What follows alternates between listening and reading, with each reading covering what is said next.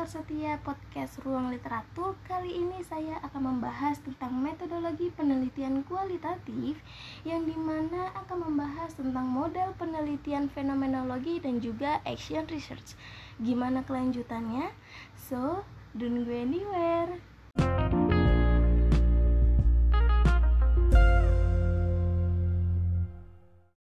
Nah, Sobat Ruli, sekarang kita masuk ke pembahasan yang pertama mengenai model penelitian fenomenologi. Secara bahasa berasal dari kata fenomena dan logos. Fenomena berasal dari bahasa Yunani, yaitu phenomenon, yang berarti menampak dan terbentuk. Sedangkan logos yaitu ilmu pengetahuan. Secara harfiah, fenomena diartikan sebagai gejala atau sesuatu yang nampak. Jadi, bisa disimpulkan bahwa fenomenologi merupakan model penelitian kualitatif yang berorientasi untuk mendapatkan penjelasan tentang realitas yang tampak dengan menggunakan pendekatan holistik. Dan pengalaman-pengalaman individu merupakan fokus kajian dari fenomenologi. Sekilas di awal kita sudah singgung mengenai pengertian atau definisinya. Kira-kira contohnya seperti apa sih? Misalnya gini, konsep atau fenomena yang kita alami sejak lama, yaitu mengenai perempuan yang berperan menjadi seorang ibu. Fokus penelitiannya adalah seperti apa pengalaman yang dirasakan oleh ibu muda ketika pertama kali menjadi seorang ibu. Dan data bisa dikumpulkan dengan cara mewawancarai sekelompok individu yang terdiri dari ibu muda yang masih fresh pengalaman pertama menjadi seorang ibu. Untuk melakukan model penelitian fenomenologi, kalian bisa melewati langkah-langkah sebagai berikut. Yang pertama, melakukan observasi. Yang kedua, mengumpulkan rumusan masalah yang relevan dengan realitasnya. Yang ketiga, melakukan wawancara mendalam dengan informan. Yang keempat, melakukan breakout. Yang kelima, melakukan pengumpulan data secara naratif deskriptif. Yang terakhir adalah melakukan proses analisis data kualitatif. Dalam melakukan penelitian fenomenologi harus dilakukan secara teliti, seksama, dan mendalam. Hal itu bertujuan agar hasil yang didapatkan maksimal. Setiap penelitian pasti memiliki kelebihan dan kelemahan. Begitu juga dalam fenomenologi Berikut adalah kelebihannya. Yang pertama, fenomenologi dapat mendeskripsikan fenomena dengan apa adanya. Yang kedua, fenomenologi mengungkapkan ilmu pengetahuan atau kebenaran secara objektif. Yang ketiga, fenomenologi memandang objek kajian sebagai bulatan yang utuh, tidak terpisah dari objek yang lain. Sebenarnya, di balik kelebihan tersebut, penelitian ini juga tidak luput dari berbagai kelemahan, seperti pengetahuan yang didapat tidak bebas nilai, tapi bermuatan nilai. Nah, gimana nih Sobat Ruli? Pasti sudah mulai paham kan dengan model penelitian fenomenologi? Berikutnya, saya akan mengulas model penelitian lainnya, yaitu action research. Penasaran kan? Ini dia penjelasannya.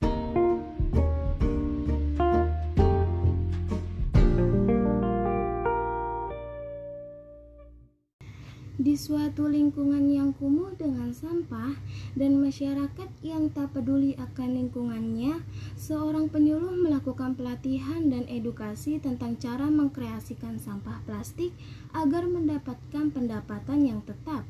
Dalam pelatihan tersebut, peserta akan diberikan pengetahuan efek buruk dari penumpukan sampah hingga cara mendesain sampah plastik agar menghasilkan suatu produk menarik.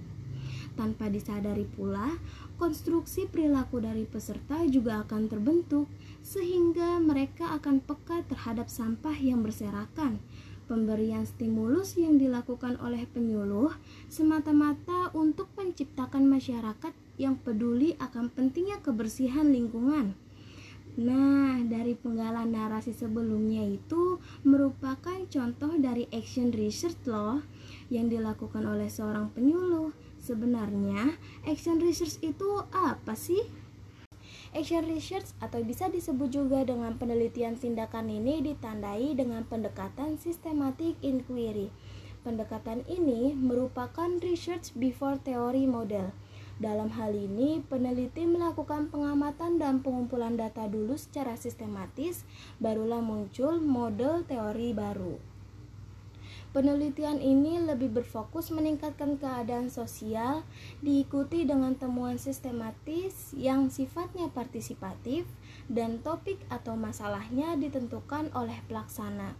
Secara sederhana dapat diungkapkan bahwa penelitian tindakan ini disebut juga sebagai learning by doing research jadi dapat disimpulkan bahwa action research ini adalah suatu model penelitian kualitatif yang dilakukan dengan praktek kemudian akan menghasilkan sebuah teori. Desain penelitian action research ini bertujuan mengembangkan keterampilan baru atau cara pendekatan baru untuk memecahkan masalah dengan penerapan langsung di dunia kerja atau dunia aktual yang lain. Penelitian action research ini mempunyai beberapa ciri. Yang pertama, praktis. Yang kedua, adanya relevansi dengan dunia kerja. Yang ketiga, menyediakan kerangka kerja yang teratur. Yang keempat, fleksibel dan adaptif. Dan yang terakhir, memiliki kelebihan di bidang praktek. Nah, sampai di sini Sobat Ruli paham kan apa yang dimaksud dengan action research itu? Oke, kita akan masuk ke pembahasan berikutnya yaitu mengenai prinsip-prinsip penelitian action research.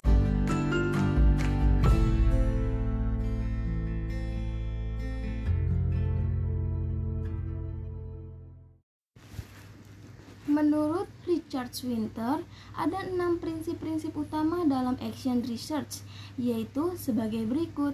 Yang pertama, reflective critic prinsip yang memastikan seseorang berpikir secara mendalam pada berbagai isu dan menjelaskan berbagai interpretasi, bias, asumsi, dan hubungan di mana keputusan dirancang.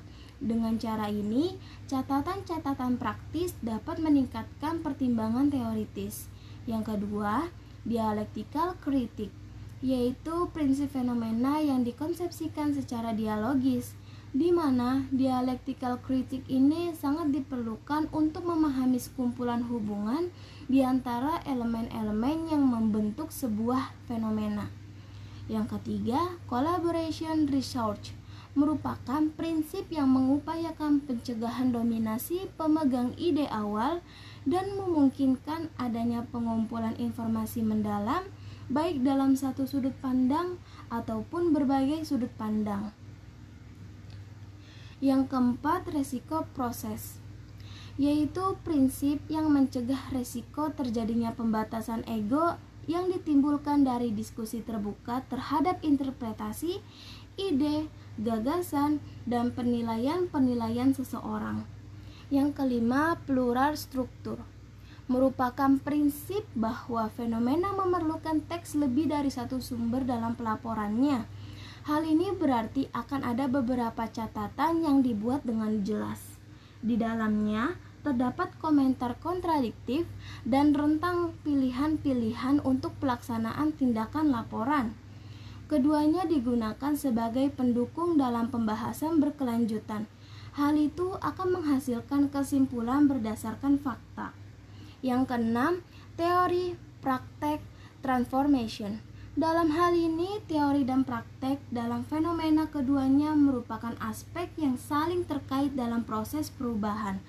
Proses ini bergantung dari para peneliti dalam membuat keputusan teoritis pada tindakan-tindakan yang diambil, yang kemudian akan mengembangkan dasar keputusan tersebut. Nah, tadi terkait tentang prinsip-prinsip dari action research Selanjutnya, ada metode yang digunakan dalam action research adalah metode pengumpulan data dengan cara observasi, wawancara, angket, dan tes.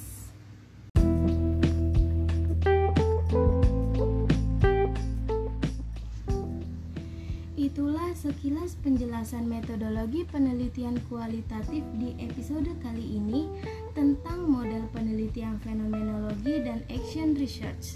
Oh ya Sobat Ruli, Jangan sampai lupa ya untuk menjaga kesehatan selalu dan jika berpergian selalu ikuti protokol kesehatan.